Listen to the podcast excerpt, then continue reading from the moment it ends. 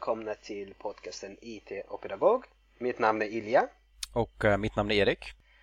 I den här podcasten så ska vi prata om aktuella och intressanta ämnen som rör IT i skolan och angripa det från våra olika perspektiv.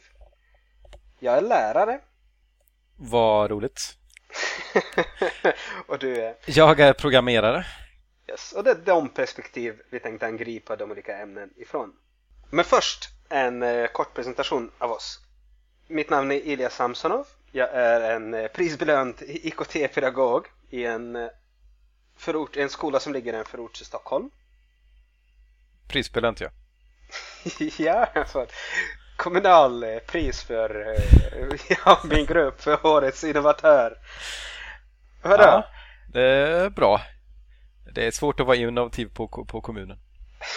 ja, men det, det, det, är viktigt att belöna sina medarbetare. ja, det är bra. Eh, jo, eh, jag själv som sagt är programmerare eh, och arbetar med att utveckla olika affärssystem och webbsidor och liknande och har arbetat som programmerare i ungefär åtta år.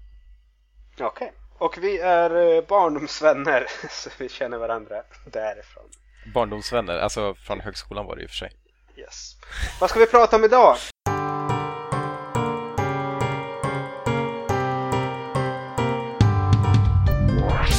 Vad ska vi prata om idag, Erik? Eh, vi har några aktuella punkter som vi skulle vilja ta upp. Det är nämligen så att modersmålselever i Kramfors har blivit lite olagliga. De har nämligen fått undervisning i modersmål på distans med hjälp av, eh, jag antar Skype. Det, det, står inte i artikeln, men jag antar det. Och eh, i Kramfors så finns det inte tillräckligt med modersmålslärare för att täcka upp alla språk. Så då har kommunen löst det genom att de tar in lärare från Uppsala som undervisar eleverna. Och då har Skolverket kommenterat detta och säger att det är olagligt på två punkter. Nämligen ett, Betygsättande lärare måste finnas i kommunen. Det går inte att eh, överlåta det till en annan kommun. Och två, Fjärrundervisning får bara användas som ett komplement. Det får inte ersätta hela undervisningen. Jag tycker det är problematiskt. Det låter som en rimlig lösning på ett jobbigt problem. Hur, hur menar du där? Ja, alltså man, man har ju ändå lyckats, lyckats lösa det. Nu har man ju tagit in lärare på ett praktiskt, alltså ett praktiskt smidigt sätt som kan undervisa eleverna. Och om det nu sker via Skype eller liknande, då finns ju en, en, en ganska så direkt kommunikation i alla fall. Uh, jag kommer ihåg när vi, uh, okej okay, det var i och för sig på universitetsnivå men vi saknade också en lärare för en viss grej. Och då flög de in en från, från Skottland som fick vara där i två veckor och bo på hotell och sådana grejer. Och, flög in till Skövde? Ja. okay. uh, det var tvungen att säga Skövde va? Um, jo då, um, och det känns ju som att det är lite gammal lösning egentligen. Varför skulle man göra en sån grej? Man kan ju bara tänka sig hur mycket tid och resurser och pengar det kostar extra bara för att man var tvungen att få, fysiskt få dit läraren. Jag håller med dig. Jag tycker det här är ett perfekt lösning på, på dagens problem med dagens verktyg. Jag tycker de ska få, de ska få pris. De ska inte bli olagliga. Jag förstår problematiken att eh, betygssättning men, fun men funkar det då? Um, ja, jag börjar ju tänka. Jag tänker på mig själv. Jag har ju genomfört olika distanskurser och jag suger ju på det. Jag är så lat ibland och uh, är det ingen som flåsar mig i nacken och säger nu, nu, nu, nu måste du jobba och känner jag att jag inte att jag inte skadar någon med, med min lathet så är jag lat. Så jag tycker det är problematiskt när det gäller äldre människor. Men när det gäller yngre elever och om man lägger upp det som en traditionell lektion. Nu är vi här en timme och eh, du får uppgifter från mig och jag tittar på dig när du gör uppgifterna. Jag, eh, jag kör kontinuerlig feedback, du kan fråga mig, jag svarar till dig. Lägger man upp det på ett bra sätt så kan det absolut fungera. Okej, okay, det framgår ju inte av artikeln nu riktigt huruvida det var bra eller dåligt upplägg. Av någon anledning så brukar sådana saker komma i skymundan. Alltså själva sakfrågan är ju, alltså det det handlar om egentligen är ju, lär sig eleverna ingenting på grund av det här? Alltså leder det till sämre kunskaper? Det står ingenting om det. Det står ju bara liksom att nej, det, här, det, här, det här får man inte göra, det är fel. Men om vi tar de två punkterna som Skolverket säger är olagliga, nämligen eh, betygssättning, att det är, lärare måste vara kommunalanställd. Och eh, den andra punkten att fjärrundervisning får endast användas som komplement. Om vi tittar på dem. Tycker du att de är rimliga? Eh... Jag vet inte.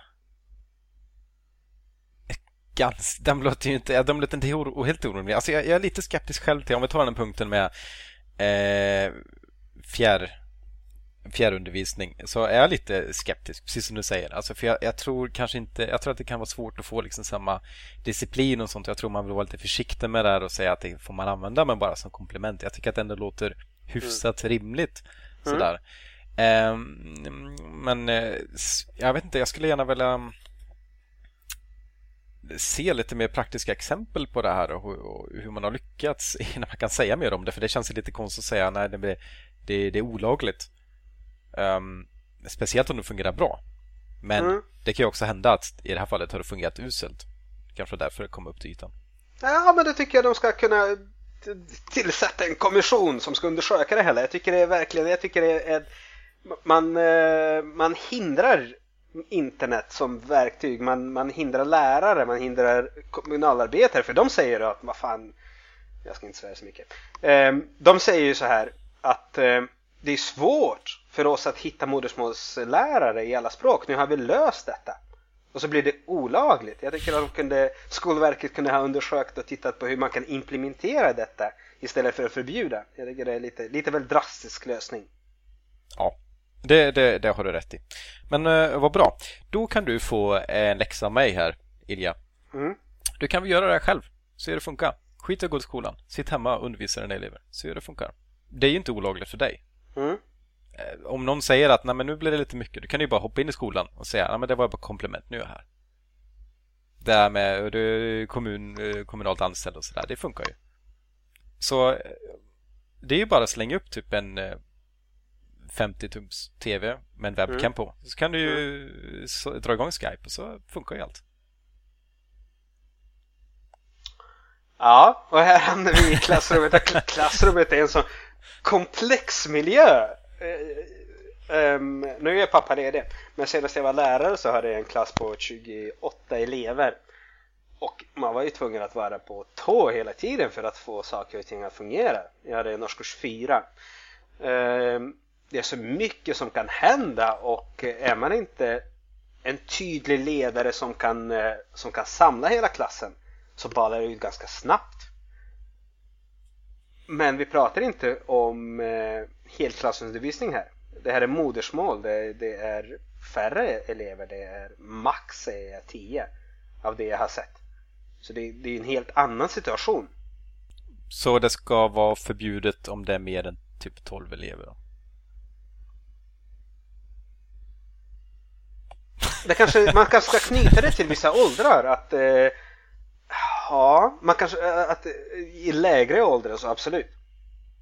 Pratar vi lågstadiet så säger jag nej till fjärrundervisning. Det är, de behöver en kontakt med en vuxen där. Men eh, alltså en person på plats, en människa på plats.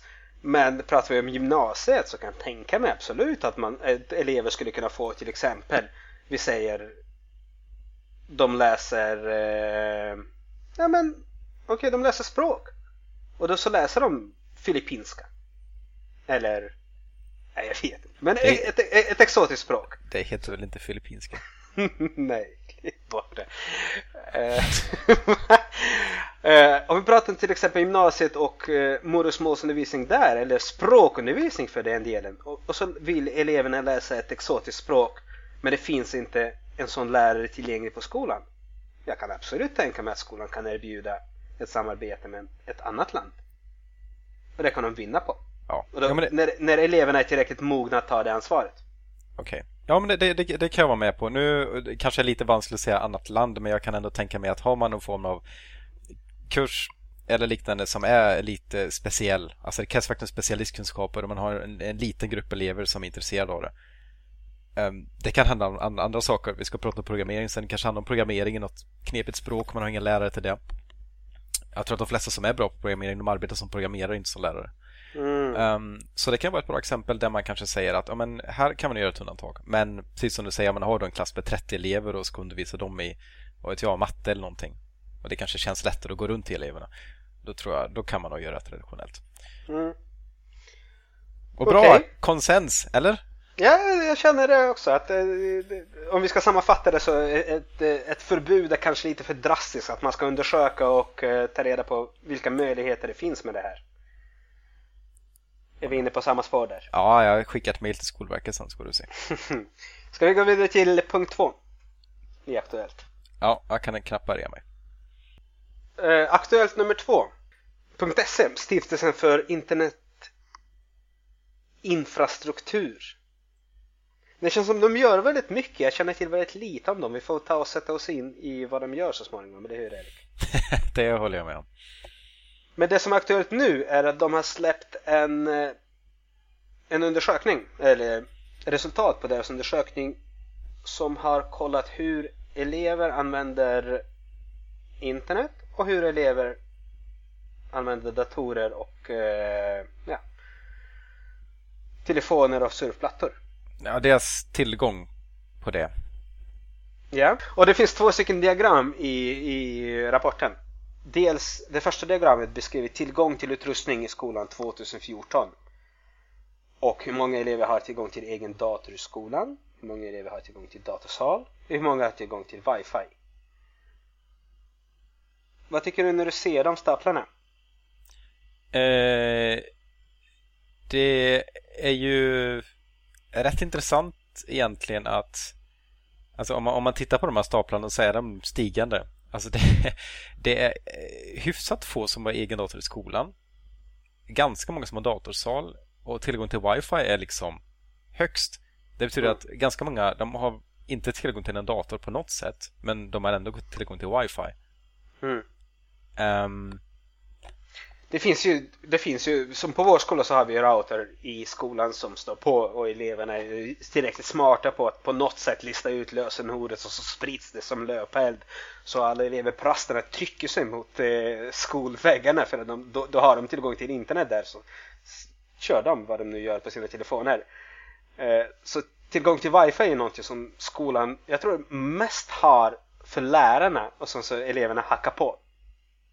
Sa du hackar eller hakar? Hakar på. Okej, okay, ja.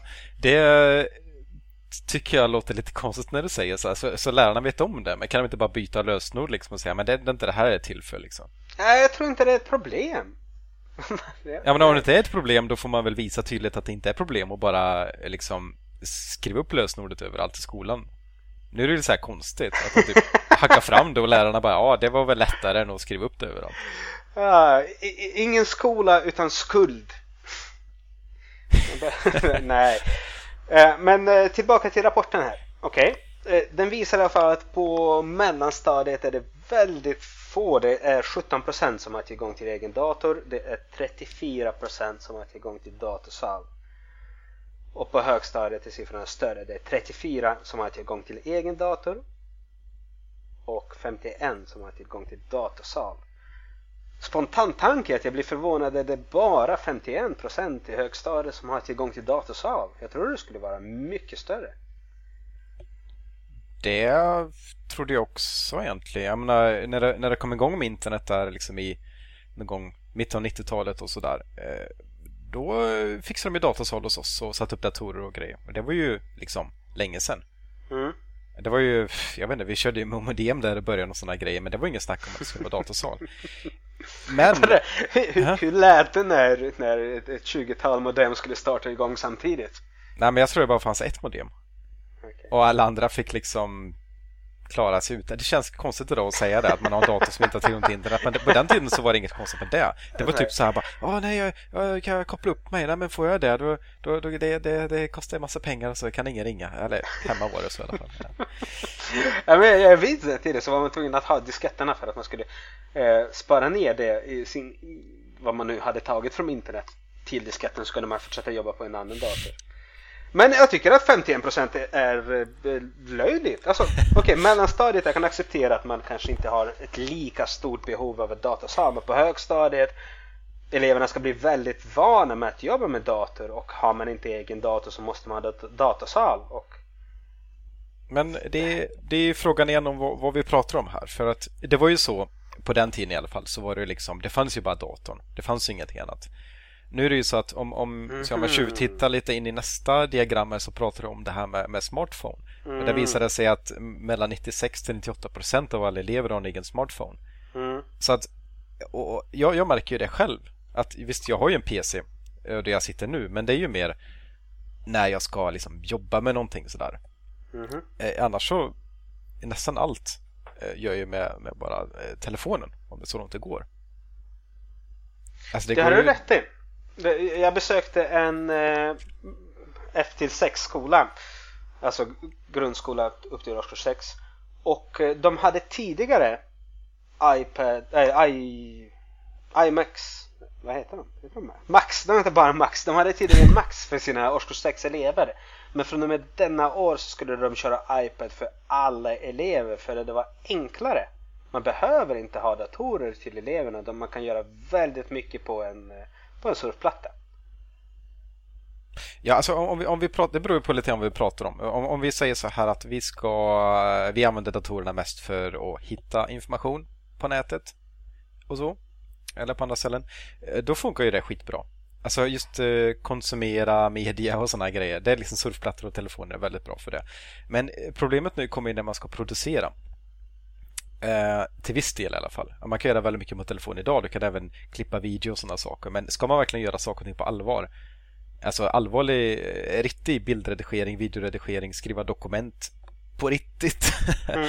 Eh, även om det går hyfsat bra på telefonen också då, så känns det som att då, då behöver man liksom ja, en, i alla fall en, eh, en laptop eller en sorts hybridplatta liksom, någonting i den stilen. Mm. Men om det är klart om, om skolan säger att vi, vi, vi har lite begränsat vad vi gör med, med, med våra datorer och det är dittan och dattan, mest sökinformation. Visst, eh, kör man plattor då, det är mycket lättare. Ja, du tar upp telefonen så vi kan kika ner på den andra, de andra, den andra diagrammen som visar tillgång till utrustning hemma. Och den visar att eh, 71% av elever på mellanstadiet har egen dator men de har 96% av dem har en smart telefon hemma.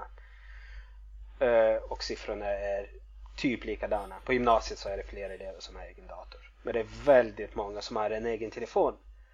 Men jag som lärare, jag kan inte jag kan inte förlita mig på att eleverna har en tillräckligt bra, tillräckligt eh, kapabel telefon i skolan för att lägga upp undervisning kring den, att de ska kunna skriva på det eller något sånt. Jag, jag tycker det är väldigt komplicerat att ta in deras utrustning i skolan.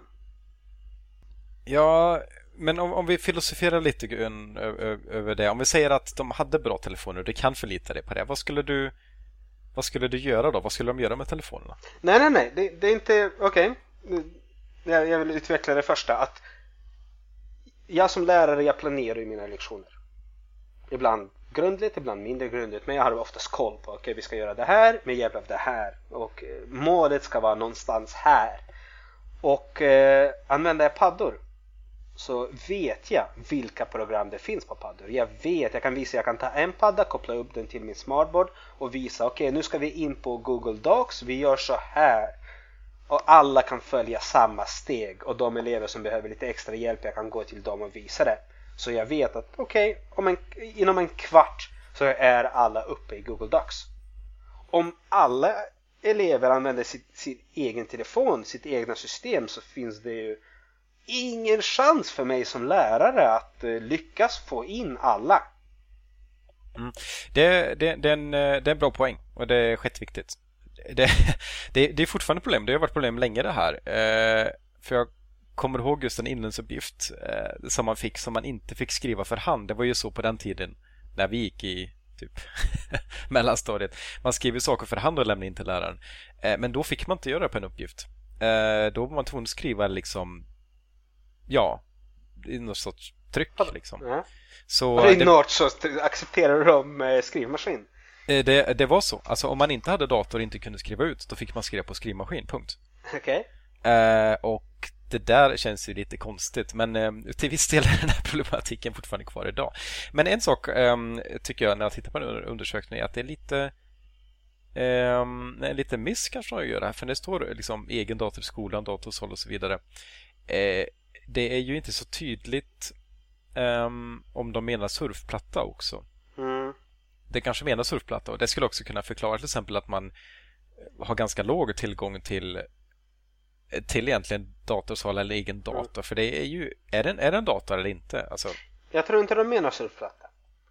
För Nej, jag... Eh, en, en av punkterna som jag skrev ner är att i, citat, i årets undersökning ser vi att elever anser sig vara mindre kunniga om datorer än vid förra årets undersökning. Ja, vilket inte är något, något problem liksom egentligen, för man skulle lika gärna kalla, jag menar, jag vet inte.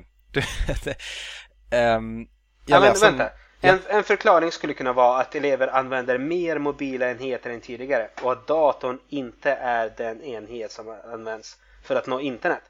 Så de är lite grann medvetna att de drar en skiljelinje mellan dator och andra mobila enheter. Mm, precis, och det, det, är egentligen inte alltid nödvändigt att göra. Jag menar egentligen, du kan lika gärna, det, det är väl inget jag vet inte. Just nu gör vi en skillnad. Man säger att oh, ja, det är en dator eller en surfplatta men mm allvarligt talat om de kallar en surfplatta för en dator, vad är det för skillnad? Det är ju en dator. Det är bara en annan formfaktor egentligen. Um, Okej. Okay.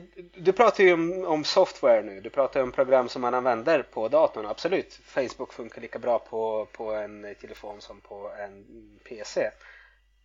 Men jag tänker kanske... Ah, ah, jag vet inte. Fast jag, brorsan var ju väldigt hackig av sig på gymnasiet kommer jag ihåg. Så han tog ju med egna hårddiskar och öppnade upp datorerna i datasalen och höll på att pyssla med dem där inne om man tänker på framtidens ingenjörer som, är, som behöver en eh, mer kanske elektronisk utmaning så är väl datorerna eh, kan ge mer värde.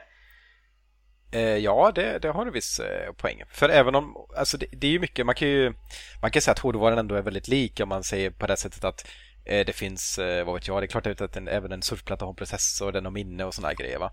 Eh, men eh, precis som du säger, det är inte så att man kan liksom säga så här oj, nu gick processorn sönder. Ja men det är lugnt, jag skruvar upp den här så byter jag den och så det är bara att köpa en ny på Blocket typ. Mm. Det, det, går det med en PC och då lär man sig kanske någonting också om man har tur. Men på en surfplatta är det bara, ja den startar inte, okej släng den i sopen, köp en ny. Um, så här är det, i skolan så har vi ju nu för tiden, vi har ju fått en ny läroplan 2011 och den har rört sig mer från faktakunskaper till förståelsekunskaper. Det är, ju en helhet där, men ändå att man trycker lite extra på förståelse och färdighet. Att en elev ska kunna applicera de kunskaper den lär sig i skolan på allting annat den kommer att möta på i framtiden. Och då jobbar man bara med till exempel appar som jobbar med en sak. Och inte få en hel systemsyn av hur en dator fungerar så kanske riskerar man att, att eh, missa vissa punkter. Jo, fast man riskerar ju också att man kanske läser någonting som är helt irrelevant i praktiken. Och som kanske är svårapplicerat. Alltså, om man säger så här. Det, om, någon, om någon kommer att säga att den har en liksom viss förståelse för någonting, det är väl... Ja, Okej, okay jag vet inte exakt vad jag vill komma med det här men poängen är att antingen vet man eller så vet man inte. Och det, det, liksom, det, det, det duger inte att man kommer och säger någonting i stil med att eh, min, min surfplatta gick sönder, hur ska jag laga den? Oj, men jag höll på med PC-datorer. Det är mm. säkert hårddisken som är trasig. Det är bara att skruva isär låtsasskruvarna. Eh, liksom, det är kunskaper som inte är applicerbara, liksom, även om man, det går att dra paralleller. Det, det är liksom det det är värdelöst på sätt och vis. Alltså okay. visst, jag tycker också att det är bra om man har förståelse om man har hållit på med det och så vidare, men det är ändå kunskaper som jag vet inte riktigt när man ska ha verkligen praktiskt nyttigt av dem. Jag, jag, jag förstår din poäng. Eh, jag, jag, tycker också att ju lättare det är att jobba med IT i skolan desto bättre och det är lättare att dra in ett 30-tal surfplattor och köra igång snabbt än att alla ska sitta sig bredvid en dator. Så, men det finns fler, det finns mera saker som är det här att man Nej, det är okej. Vadå, det var ingen poäng? Eller? Jo, jo, den är poängen är att, jag, att eh, jag tror att det kommer att minska. Jag tror att det kommer att minska i framtiden när datasalarna kommer att bli färre och att surfplattorna kommer att bli flera. Ja, alltså datasalen är ju en, är ju en lösning på ett tekniskt problem. Alltså det, det, problemet är att datorer är stora och folk vill sno dem. Och därför så låste man dem i ett rum och hade datorer där. Liksom. Och där mm. fanns också nätverksinfrastruktur och sådana grejer. Liksom. Mm. Men eh, nu behövs inte det där längre riktigt. Visst, de kan ju fortfarande bli snodda eh, enheterna, men de är samtidigt så små så att eh, man kan stoppa dem i väska och ha med dem överallt om man vill göra det. Eller låsa in dem i ett skåp, man behöver inte ha ett helt rum. Mm. Och man behöver inte ha en, ett helt skrivbord där, där den sitter permanent. För på den tiden var ju stationära datorer. Frågan är, ska man göra en datasal idag? Skulle man, varför skulle man ställa dit en stationära datorer? Mm. Om man inte verkligen behöver speciell uh, utrustning. Liksom. Jag tror att de flesta skulle klara sig alldeles utmärkt med laptops. Och då kan man ju igen säga, men då kan, vad har vi datasalarna till? Liksom? Och det är ändå ordentliga PC-datorer, oftast laptops. Och jag tycker att laptops, laptops är värdelösa i, i min vardag i alla fall som mellanstadielärare. De är stora och då så har de Windows 8 som ingen förstår sig på och så plingar det upp pop-ups och programvaruuppdateringar. Nej, eh, iPad eller en valfri surfplatta. Men eh, laptops är jag väldigt försiktig med. Du menar det är det att Windows du inte gillar? Eh, jag tycker att det, är, det komplicerar saker och ting onödigt mycket. Det, det, jag bara säga det så här vid sidan av att det är intressant vilket enormt klavertramp Windows 8 är egentligen. Ehm, en annan sak som jag vill ta upp med den här rapporten är att eh, citat men skoluppgifter som kräver internetaccess är fortfarande inte vardag. Endast 51% av eleverna i mellanstadiet får regelbundet en gång i veckan eller oftare skoluppgifter som kräver internet. Slutcitat. Jag tycker den här meningen jag känner att de vill att uppgifter som ska ha internet access ska vara vardag. Det känns som att det är den, det den förmedlar. De tycker det är fel. Det är för få uppgifter som kräver internet. Upplever du samma sak? Det är det de antyder. Men det är lite otydligt vad de menar egentligen. Speciellt vad de menar med att det, det, det kräver internetaccess. Jag menar, det skulle kunna betyda till exempel att läraren säger det här får ni bara skicka in till mig per mail. Måste jag ha internet till det. Mm. Eh, men det kan också betyda att uppgiften har en natur som till exempel eh, det kanske går ut på att, vad vet jag, man ska läsa artiklar som måste vara från Wikipedia eller någonting sånt. Mm. Eh, och det är klart, målet är ju inte att 100% av alla uppgifter ska kräva internet. Alltså det är inte så man når ett mervärde i undervisningen. Nej tycker att 50% jag tycker det är svårt att prata om procent i det här fallet. Det, det, då måste man ju titta på vad är det uppgiften, vad är det som är meningsfulla. Och det, då återkommer vi lite grann till den förra aktuella punkten att där var det ju, det var ju 100% internet som krävdes. Men det var olagligt. Så får ni inte göra. någonstans, någonstans mellan 50 och 100 procent, där har ni, guldpunkten. Okej, okay. Ja, bra. Så ett, det, det, man, man har alltså ett mål helt enkelt. Det ska vara 75 procent. Lärarna bara, vad, vad, betyder det här då? Nej men 75 procent. Hör du inte vad jag säger? Ah. Ja, det är bra. Lärare behöver tydliga riktlinjer. ja, ja, det är bra. Okej, okay, men... Eh, okay, är, vi, ja. är vi färdiga med den? Ja, jag vi får nog anses vara färdiga med det det var, jag, jag vet inte, alltså allvarligt talat, den här statistiken, jag, jag, kan inte, jag vet inte vad den betyder riktigt någon av de här punkterna riktigt. Men eh, jag, jag hoppas i alla fall att ehm, eh, att man når ett mervärde genom att använda de här grejerna och att det blir bättre och inte sämre. Och jag tror att det är schysst med surfplattor i skolan. Jag tror man kan göra någonting bra till det. Ja, okej, okay. du kan fortsätta.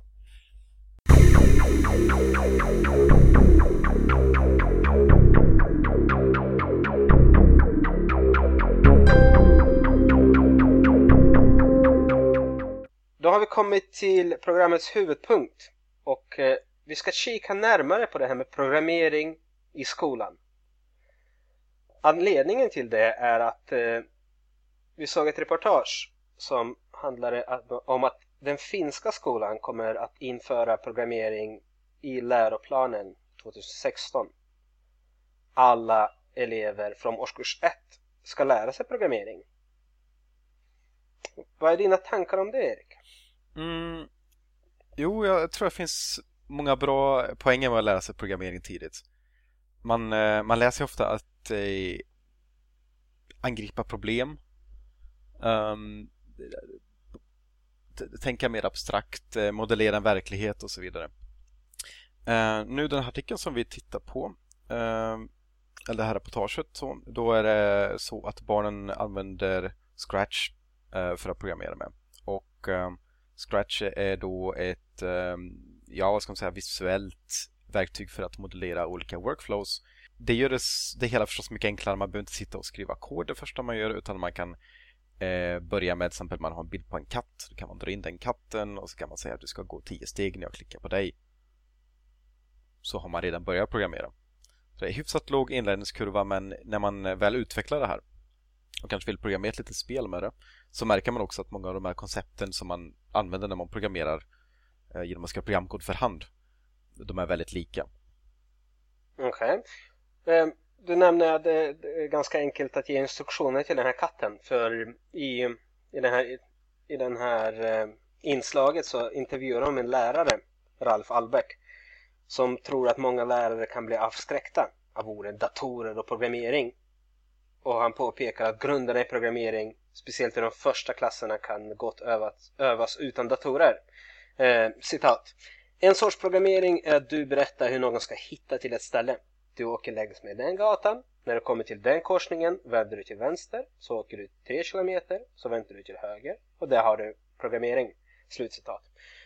Tycker du att det här är ett, eh, ett, ett ger det en sann bild av programmering? Alltså det är ju en kraftig förenkling förstås av, av programmering. Nu, nu är jag inte riktigt säker på om, om han väljer den här förenklingen eller om att han tror att det här är programmering. Ehm, jag hoppas att han vet mer om programmering än så här, för det är klart att jag kan ju säga till den där katten att gå vänster, höger och vänster och så här rakt fram.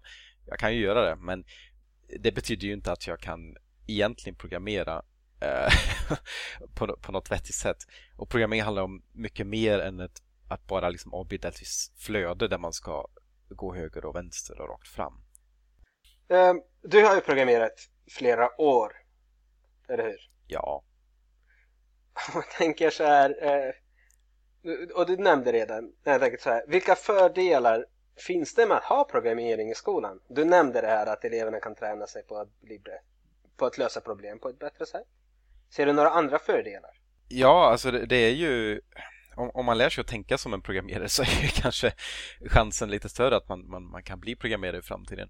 Alltså mycket eh, av, av det här att vara programmerare eh, handlar ju om att man kan liksom konceptualisera verkligheten på något sätt. Alltså man, man ser på till exempel ett, ett företag och deras behov, de vill göra en viss grej. De kanske hyr ut bilar och de har personer som gör det och sen så får de fakturor och så vidare.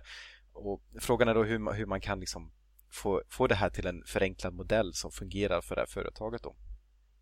Och jag har sett personer som inte har liksom förstått det här hur man liksom modellerar en, en, en verklighet på det här sättet, hur man bygger en sorts datamodell av eh, av verkligheten. Och nu är det här i och för sig ingen omedelbar del av, av Scratch, men jag tror att det är en sak som är ganska så, så viktig, liksom, att kunna eh, ta konkreta, verkliga koncept i verkligheten och eh, ja, sätta dem på papper och eh, kolla vilka relevanta attribut det finns och vad, vad de har för uppgifter och så vidare i ett, i ett workflow. Och Jag tror att det är sånt som man har nytta av generellt när man försöker förstå till exempel hur hur större processer fungerar. Okej. Okay. Jag förstår ungefär 25% av det där. Vad bra. Men du lät positiv.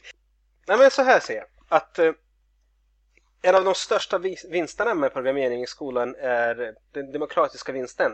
Eleverna får mer makt och kunskap över sin vardag. Det är så mycket program, det är så mycket som är skapat av andra människor med hjälp av datorer i samhället. Och vet man inte hur det funkar så är man en en analfabet på det sättet. Ja, eh, det kan jag hålla med det, det känns ju lite grann så när man använder eh, datorer i allmänhet och, och mjukvara så att man det, det är bara magi. Det är magi alltihop. Mm. Alltså, och det, mm. det, det, det, är också många som kanske har en ganska dålig förståelse för eh, jag, till exempel, jag startar med en surfplatta och så går till Facebook och det finns, jag tror att det är många personer som har, förstår väldigt liten del av, den, av det som händer i bakgrunden. Hela den här biten med hur, hur internet funkar, hur, hur programmen eh, ja, på surfplattan eller telefonen eller datorn funkar och, och vad, vad som ligger bakom och så vidare. Det är ju inte magi. Men det känns ju så. Mm. Jag tänker rent eh, om vi tänker på jobb i framtiden. För det, det, det, jag hörde det någonstans också att det saknas, det kommer att saknas eh, en miljon programmerare? Nej. En någon sa en miljon 2020 en miljon programmerare. någonting sånt där. I Sverige? Nej, i EU. EU. Okej. Okay. Eh, men Indien då? De är väl duktiga på IT? Och de har varit duktiga på IT i flera år. När, om vi säger att det här införs 2016 i den finska skolan och eh, när går de ut? Har de en 9-10 år i grundskola? Vill säga de går ut 2026. Är inte, riktigt, är inte andra länder, till exempel Indien, redan i kapp och har, har så pass duktiga programmerare så att eh, när de finska barnen väl kommer ut i skolan att de är passerade av de andra? Alltså, dels eh, tror jag att programmeringen tränar ju barnen på andra sätt. Alltså just det här att kunna, ja, kanske att, att tänka abstrakt eller att, att eh, modellera verksamhet. Så bra, man måste inte bli programmerare just. Och sen um, vet jag inte, alltså det finns ju alltid konkurrens. Det behöver inte vara något, något problem. Plus att barnen kanske blir bättre programmerare, kanske inte lika många. Men, eh, men varför inte? Alltså jag tror ändå att det är en, en god start. Och ehm, Ja, sen vet jag inte. Det, det alltså, är klart att det finns jättemånga duktiga programmerare i Indien men vi ska inte tro att de är genier allihop. Det är en själv kollega som har gjort erfarenheter med det där. Han tyckte det var, det var lite, det, alltså, det finns många som är väldigt, väldigt duktiga men eh, man ska inte bjudas några illusioner om att alla är liksom skitbra. Alla programmerare. Mm. Okej. Okay. Eh, jag kommer att tänka på det här att Svenska skolan bärsas mycket, den får mycket stryk för att man eh, har dåliga kunskapsnivåer. Och eh, de som kommer till svenska skolans försvar drar ofta upp argumenten med att ja, men svenska barn är så kreativa. När det pratas om programmering så pratas det ofta att det är ett, det, det är ett kreativt um, tankeverktyg eller arbetsprocess. Men egentligen det kräver kunskap i, i, i matte matte, gissar jag på, med min eh, ganska dåliga kunskap om programmering. Men jag, jag, kan tänka mig att högre programmering kräver rätt mycket matte. Är det här ett sätt för ett sätt för framtidens skola att kombinera kunskap med kreativitet? Ja, alltså jag tycker att det som är intressant med eh, med programmering och det som kanske blir produkten är att man kan väldigt väl kombinera liksom till exempel design om, om man bygger en hemsida till exempel så är det ju, jag skriver ju kod. Men det som blir, det blir ju kanske en häftig färgglad animerad hemsida liksom. Så att det är klart att det finns väldigt mycket kreativitet. Dels jag skriver min kod och dels hur produkten ser ut. Och samtidigt ligger någonting väldigt tekniskt bakom det där. Mm. Och det är lite kul att man kan, kan kombinera det där. Alltså, man kan vara en, en kreativ person och, och det, det, kan också driva en liksom att vilja lära sig mer om, eh, om programmering, hitta nya tricks och göra olika saker. Eh, sen, sen nämnde du det med matte. Alltså det är, jag skulle inte påstå nödvändigtvis att, att man behöver kunna så värst mycket matte Eh, om man, det beror på vad man gör för någonting. Ja. Alltså, visst, eh, om man till exempel ehm, eh, programmerar ett spel eller liknande så kan det hända att man kanske behöver för vissa eh, saker använda ganska avancerad matematik. Eller om man håller på med, vad vet jag, olika former av rapporter, utvärderingar och så vidare. Måste analysera data.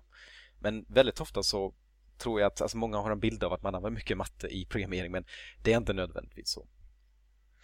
För det här förslaget i finska skolan eller förslaget förslaget, men att det kommer att bli mattelärare som kommer att undervisa eleverna i programmering.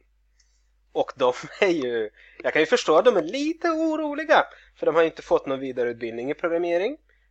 Och så ska de börja undervisa om två år. Det finns ingen, ingen struktur. Det var, eh, det var någon på, på inslaget som pratade om att de kanske ska använda pyramidmodellen för vidareutbildning så som de har gjort i Storbritannien. Där lärare lär andra lärare. Vad, vad jag tänker, alltså dels så är jag såklart jag känner ju med de här mattelärarna som plötsligt ska lära sig ett helt nytt ämne som de kanske inte har koll på. Men sen också om det är någon lärare som gör jobbet halvdant och lär ut lite så här kass programmering eller lär ut lite fel. Hur stor skada kan en sån lärare ställa till Ja, nej, det är en intressant poäng. Alltså, jag, jag, jag, jag, tror, jag tror inte att det här är ett stort problem egentligen.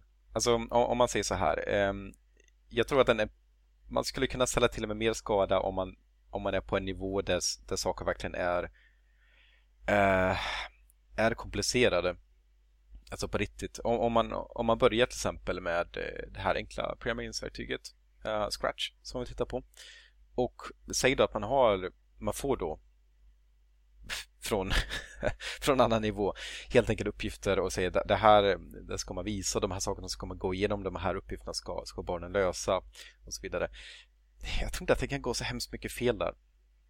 Alltså det jag, jag har märkt att alltså, varje programmerare har sin egen lilla personliga stil.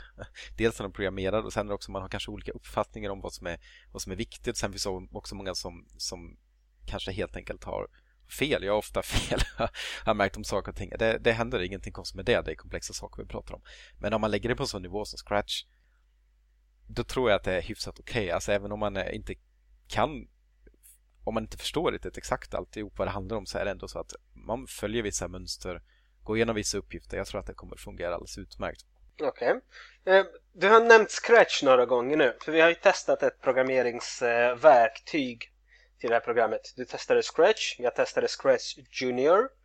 Vad är dina tankar om Scratch? Ska jag sätta betyg nu? Nej, jag tror jag har testat det lite för lite. Men vad, vad har du åstadkommit med det? Uh,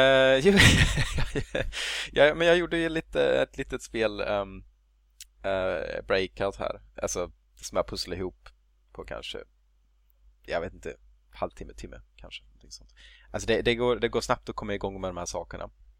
Och det går att göra ganska mycket och det går att få saker och ting på skärmen väldigt fort. Och det, det är kul. Um, och uh, den här typen av programmering att man liksom har um, block som man då lägger liksom efter varandra och säger om, om det är så, då ska du gå dit och så har man olika färger och man, har kanske, man kan se liksom hur saker och ting hänger ihop som en, som en bild. Liksom. Uh, det där är ju heller inte helt främmande uh, även i den miljön som jag jobbar i. Då. Alltså Microsoft har till exempel en, ett, um, ett sånt språk eller visuell representation um, som man kan använda. Och, och det, det, är väldigt likt det här då. Okej, okay det är ganska bra. Eh, jag testade Scratch Junior som är nog ännu enklare.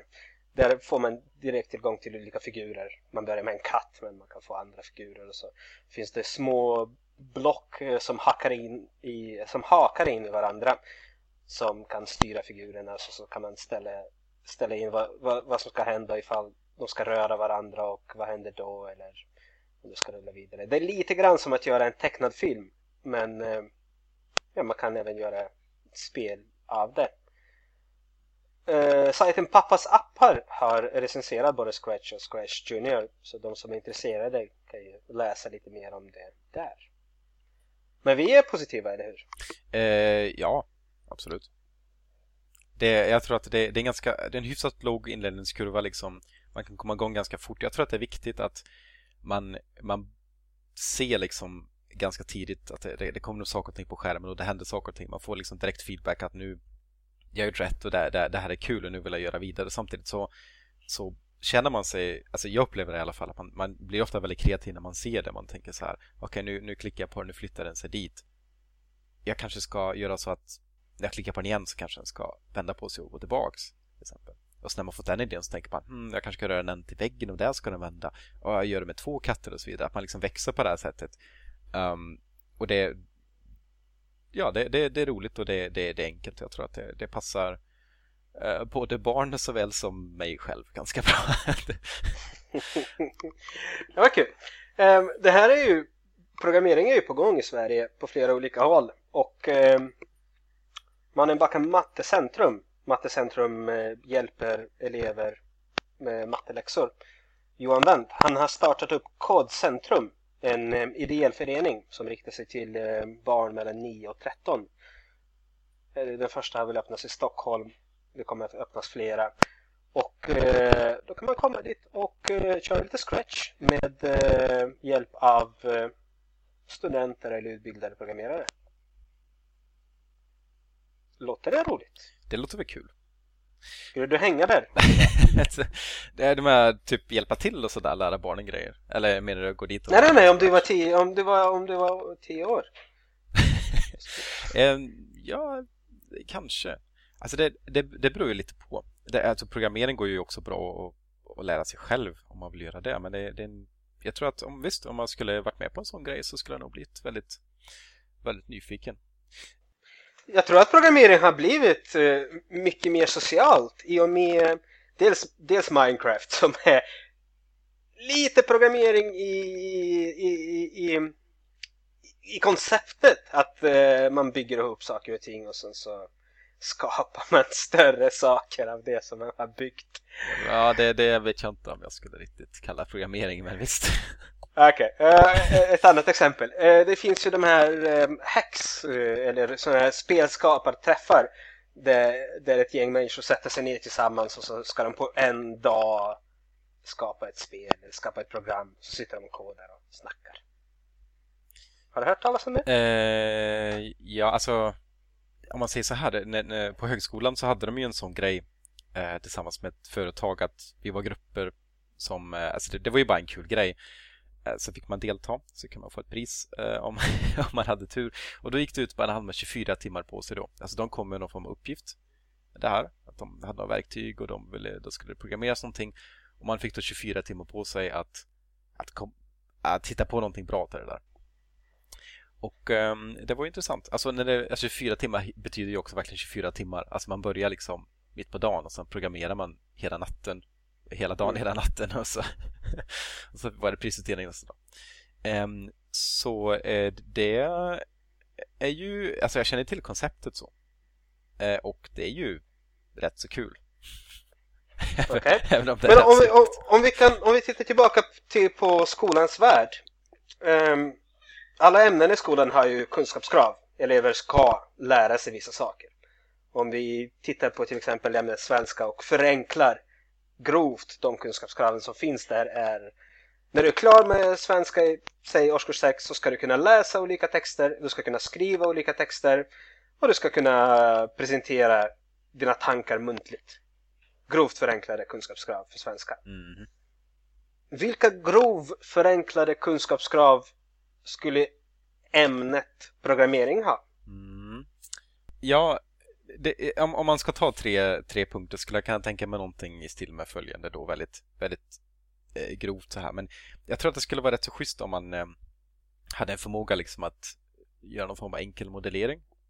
Alltså att man kan ta en, en verklighet på något sätt och omsätta det liksom i eh, ja, i abstrakta enheter som man kan använda när man programmerar. Som exemplet förut, att man, man har biluthyrningsfirma och man har personer och man har, man har fakturor och så vidare. Att man då kan, kan modellera det här och, och visa liksom sambanden mellan de, mellan de här sakerna. Eh, ja, en, en sorts enkel datamodell egentligen. Eh, det, det, är en sak. Eh, sen tror jag att, och där tror jag Scratch kommer in ganska så bra, att man kan då eh, göra i alla fall någon, någon form av procedurell eh, eh du ska vara väldigt försiktig med att ta in program, befintliga program som Scratch. För nu skriver vi väldigt eh, generella kunskapskrav och de ska kunna gälla på allt möjligt. De ska inte bara gälla nu idag utan de ska gälla i tio år framåt. Så generellt. Mm, men det där, det där är inget problem. Alltså Scratch är ju bara liksom en, ett sätt att modellera workflows till exempel. Man skulle kunna använda en annan teknologi eller man skulle också kunna skriva programkod. Alltså det här är ju koncept som, som, som finns i, eh, i alla imperativa språk. Okej, okay. modellering, första kunskapskrav. Eleven ska klara av att modellera en verksamhet. Ja, precis. Kör, vidare. Nej, det, nej, det där, jag tog punkt två nu. vänta, punkt, punkt ett är att modellera en verksamhet. Punkt två är ja. att eh, kunna avbilda ett, ett, ett, flöde, alltså instruktioner. Som, som han sa i exemplet. Eh, först ska du gå framåt, sen ska du vända höger, sen så ska du ta, stoppa, stanna vid stoppljuset. Sådana grejer. Va? Okay. Så att avbilda ett, ett sorts workflow på det sättet. Alltså en form av procedurell programmering i alla fall. Den tredje punkten skulle jag vilja säga, för trots att jag tycker att, att Scratch är, är intressant eh, på, på många olika sätt och att, visu att visuellt modellera saker och ting så tror jag att man kommer ändå som programmerare eh, att spendera huv huvuddelen av sin tid med att skriva kod. Och jag tror att det, det är nog bra om man har liksom en viss förståelse för, för syntax och uppbyggnad av ett program som är skrivet av, av kod. Så du, du menar skriva och läsa kod? Eh, jag skriver och läsa kod. Det är många som anser förstås att skriva kod är lättare än att läsa kod, speciellt annans kod.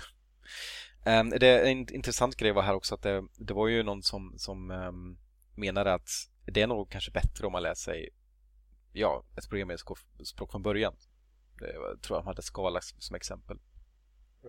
Mm. Um, Varför det? Därför att det intressanta är att man börjar lära sig ett programmeringsspråk eh, som vi kan ta Java eller Scala eller C-sharp eller vilka som helst. Um, ett typiskt imperativt språk.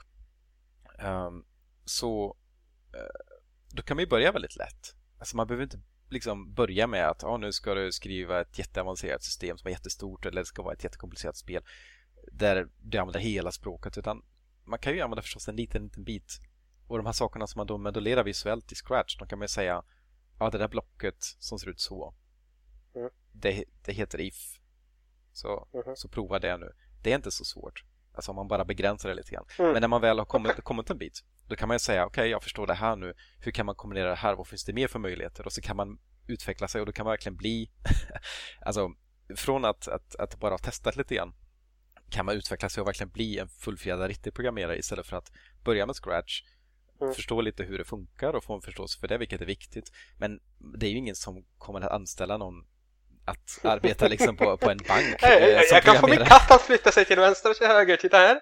Titta. Jag, jag, jag, håller med dig, jag håller med dig att man kan börja någonstans där enkelt med färdiga program och eh, färdiga objekt och sen komma in djupare på det. Lära sig systemet bakom och lära sig skriva, absolut. Okej, okay, ehm, om vi säger så här att vi ska, vi planerar en lektion och genomför den. Vi säger årskurs 5, programmeringslektion. Uh, eftersom det är jag som är lärare så får jag väl stå för huvud, huvud, huvudarbetet här. Men du får när som helst hoppa in och hjälpa till. Okej, okay, gärna. Um, jag säger hej till klassen. Varsågod slå ner. Här får ni en iPad. Jag vill att alla öppnar programmet Scratch. Uh, Sätt den ner. Tavlekips. Nej, skojar. Uh, Okej. Okay. Fokus idag är att uh, ni ska träna på att modellera, alltså visa hur två personer kan mötas och en, en vara kan utbyta ägare. Är du med mig? Okej. Okay. Okej, okay. är, är, det, är det modellering? Kan det stämma in? Kan det fylla den kunskapskraven? Modellering? Att, att, att modellera ett möte där eh, en vara överlämnas? Eh, det kan man väl göra. Okej, okay, bra. Ehm, eh, och... Eh, ja, men vi ser så här. Och, eh, och vi ska även träna på att skriva detta som en enkel kod. Sättet vi gör det på är att vi använder programmet Scratch. Där får ni tillgång till två objekt. Ni får en katt och ni får en eh, noshörning säger vi. Och eh, ni ska få katten att överlämna pengar till noshörningen. Och så visar jag en film. Jag, jag, jag kanske har gjort detta innan då. Själv. Och så, så visar jag en film på det eleverna, jag kan, lägga, jag kan göra en film och lägga ut den på Youtube, eleverna har tillgång till den och kan se den om och om igen. Så de ser hur flödet ska se hur Är det flödet? Eller hur modellen ska se ut? Jag, jag, jag skulle kalla det kanske för flöde. Eller det beror lite på, för du har ju en viss, du har en modell. Du har en katt, och du har en noshörning och du har pengar. Det, mm. det kan man se som en sorts datamodell.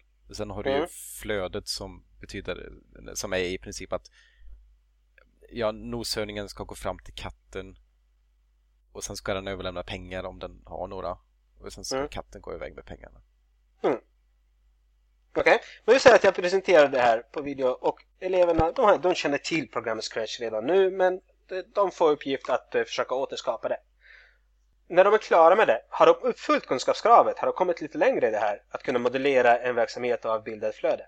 Tycker du att räcker det? Eh, det beror lite på. Alltså, jag skulle gärna vilja att när man, när man, ser, när man pratar om att eh, om det här att modellera liksom en, alltså att bygga en, en, en, en datamodell eller en, en, en modell av en, en, en domän mm. så är det ju bra om man gör det kanske på egen hand. Alltså de får kanske läsa en Ja, i och för sig, det beror lite grann på hur man ser på det och hur man lägger upp det, upp undervisningen scratch. Men det är ändå bra om man kanske berättar som en nästan liten berättelse ungefär som man skulle kunna sätta sig ner med. Säg, i, i verkligheten så skulle det ju vara liksom en, en kund som beskriver liksom att ah, vi hyr ut bilar och, och vi gör det och det, bla bla bla bla. Och han bara snackar en massa. Och så ska man försöka ta de här begreppen som han säger som låter väldigt alldagliga och få liksom göra objekt av de här sakerna. Mm. det är lite ja. det som är, som jag är tror jag, Okej, okay, men jag pratar årskurs 5 nu. Jag tror du skjuter lite högre. Ja, jo precis. Jag tror inte heller att, att de kommer att liksom titta på en sån grej utan jag tror att man får göra lite enklare saker men ändå det som jag skulle vilja se är att man kan omvandla flum till konkret. Mm -hmm. yeah. det skulle vara bättre. är, det, är det programmer, programmerarens största största uppgifter. Det kommer kunder som inte vet någonting om någonting som bara, som bara beskriver sin situation och så som programmerare ska man försöka hitta någon typ av struktur inom det. Ja, eh, precis. Och det, det, här behöver man inte göra så komplicerat för i verkligheten så är det väldigt svårt. Det är väldigt svårt för att man tror också, de säger saker och ting så tror man att de vill ha det de säger men så inser man sen att det är fel. och, och de kommer okay. med nya idéer och sådana saker men det, det, det, här behöver inte vara, det här behöver inte vara liksom en del av undervisningen där man ska göra... Nej, det, det här kan komma på nationella provet årskurs 9. Men okej, okay, eh, men om vi går vidare till skriva kod. Um, skulle det här funka? Att eleverna får, vi säger, några kommandon. De får kommando move, de får kommando if, de får kommando... Uh, nej men det är okej. Okay. Move och if. Alltså... Och så ska de skriva det på, på ett papper till exempel. Uh, move, noshörning, left. Ja, de måste ha, de måste ha riktning, riktningarna, eller hur? De får left, right. Down. Ja, alltså det, det här beror ju lite grann på hur man, hur man ser på programmering. För nu, nu det finns ju i, kanske inte nödvändigtvis något som heter move. Alltså det är inget, det är inget nyckelord i till exempel C++ eller liknande. Nej, eller, men eller inte, inte på, återigen, årskurs 5. Jag tänker försöka att, någon typ av att översätta det som sker på skärmen till kod. Du tänker att det är bättre att använda någonting som redan finns? Eh, jag tänker mig att det, det, det, finns ju det finns olika sätt som man kan, som man kan se på det här. För jag, jag, för jag förstår vad du är inne på. Mm. Uh, för man skulle ju kunna säga så här att man, uh, man säger så här, ja, vi, vi gör det här i, säger vi, C++. men det finns liksom, jag kan inte göra eh, grafiska grejer i C++ på samma sätt som man kan göra dem i till exempel Scratch. Alltså Scratch är ju det visuella redan där. I C++ så måste jag använda liksom olika bibliotek för att kunna göra det här. Men då bestämmer man helt enkelt att använda det här biblioteket. Då kanske man använder också ett som är ganska lätt att använda där det också finns en grej som heter Move. Där jag kan slänga in saker och det bara händer grejer. Det kan man ju göra. Men, då, men, men då kan, kan, man ju... inte göra, kan man inte göra det på, på papper att eh, till exempel det här kräver jag för att eleverna ska få E på den här uppgiften. Att eh, de ska lämna in papper, på pappret ska det stå Move noshörning left if noshörning touch cut eh, give eh, pengar to cut move if katt eh, pengar. Alltså, säg, säg så här. Move katten. Om, äh, nej, ja. Eh, alltså, jag, jag, skulle föreslå att om, om man nu vill göra det på papper äh. så kanske man kan ändå kunna det visuellt för det finns ju denna typen av diagram. Ja, ja, ja. men eh. alltså de gör ju det visuellt först men sen så tränar de på att skriva det som har skett visuellt med kod. Jo, alltså jag vet inte exakt, alltså, det är inget riktigt programmeringsspråk och det, ju, det blir ju pseudokod utav någonting som de redan har modellerat. Jag vet inte om det är... Okej, okay, alltså det är inte så att jag nödvändigtvis är 100% emot men jag vet inte om det ger så mycket för att okay. det, det, det skulle vara en sak om man modellerar det med, med, med, Scratch och då kan man ju också läsa vad det står if then bla bla bla mm. och så vidare. Jag tror att det är till och med på svenska om man, om man kör på svenska. Eller? Hur är det? Mm. det var på tyska i alla fall när jag körde på tyska. eh, och um, då tror jag att det kan vara intressant att ta det och säga okej, okay, nu har vi gjort det här på ett enkelt sätt. Nu förstår alla hur det funkar. Det går att läsa bra, det går att se det i olika färger, olika former. Och sen när man säger, men säg att vi skulle programmera det här, då är det lite annorlunda, men det är väldigt likt. Så nu ska vi se hur det ser ut. Och då skulle jag gärna vilja att man kanske gjorde det. Alltså jag skulle kunna tänka mig att man eh, körde det liksom på det sättet. Okej.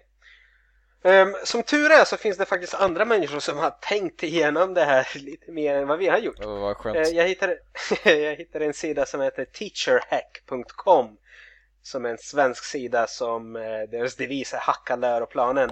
Och de har, de har tänkt igenom hur man kan använda olika programmeringsverktyg i undervisningen. De har gjort lektioner, de har gjort uh, kopplingar till styrdokument. Så det finns mycket att läsa där för den som är intresserad. Vi kan väl befoga länken i programbeskrivningen. Kan vi göra. Jag, vill gärna, jag har inte tittat så mycket själv på den sidan men jag ska ta och gräva, gräva mer där till nästa gång. Okej, eh, känner du att du vill lägga till någonting när det gäller programmering i skolan? Mm. Jag, jag vet inte riktigt. Alltså, en, en, en sak som är intressant är förstås där vilken, vilken, ehm, vilken årskurs man börjar i.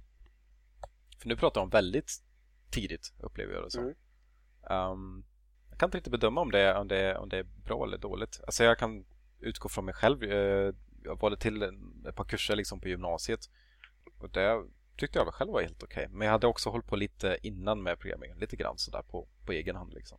Jag blev inskriven i en eh, programmeringskurs när jag var ganska ung. Och eh, då hade vi inte Scratch. Vi hade så monokrona datorer, gröna, grönsvarta datorer. Och jag hängde inte med alls. Så jag satt och spelade mest Boulder Dash på det. Så jag tänker, ska man köra programmering i en eh, tidig ålder så måste man vara väldigt pedagogisk och eh, väldigt, väldigt, eh, vad heter det? Mm. Ha tydliga kunskapskrav, alltså vart det är man vill komma med barnen. Ja, en, en, en, ett, ett problem generellt sett är förstås att eh, om man läser någon viss teknologi så är det ju stor risk att det blir föråldrad det kan ju hända att de barnen som lär sig programmering från, från väldigt ung ålder att det faktiskt visar sig vid något tillfälle. Eh, det kan ju hända liksom rätt mycket på sig 15 år.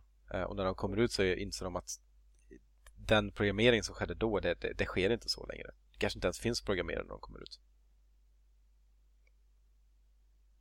Tänk på det. Men, eh, ja, men det som du nämnde tidigare att man tränar på att lösa problem det är en ganska bra förmåga att ha. Ja, det, det är det. Precis. Det, det är många som äh, säger som matteundervisning till exempel. Att meningen med matte är inte nödvändigtvis att man ska kunna liksom räkna ut saker och ting. Utan det är mm. för att man ska kunna liksom tänka abstrakt och så. Det kan man då applicera på, på andra problem. För i regel är det ju så att man, man lär sig ganska mycket matte men eh, fem eller tio år senare så det är nog, så har man kanske glömt det där med integrering i alla fall. Liksom. Så är det. Så eh, mindre matte och mer programmering, är det din, dina tankar? nej, det, nej det, det, det, tror jag inte. Um, jag, tror, alltså, jag tror matte är, är bra, men visst. Alltså programmering är ju en sak som uh, skulle kunna komplettera matten på det sättet att, att tänka liksom abstrakt. Uh, och det har ju också en väldigt praktisk applikation. Liksom. Det är ju det som, är, som jag tycker är intressant med programmering. Okej, okay. ja, det var en bra tanke. Eh, jag, jag vill tacka för det här samtalet Erik. Uh, ja, för all del. Ska vi ses igen om två veckor? Det kan vi göra. Okej. Okay. Du har lyssnat på IT och pedagog. Tack för idag. Slut för idag.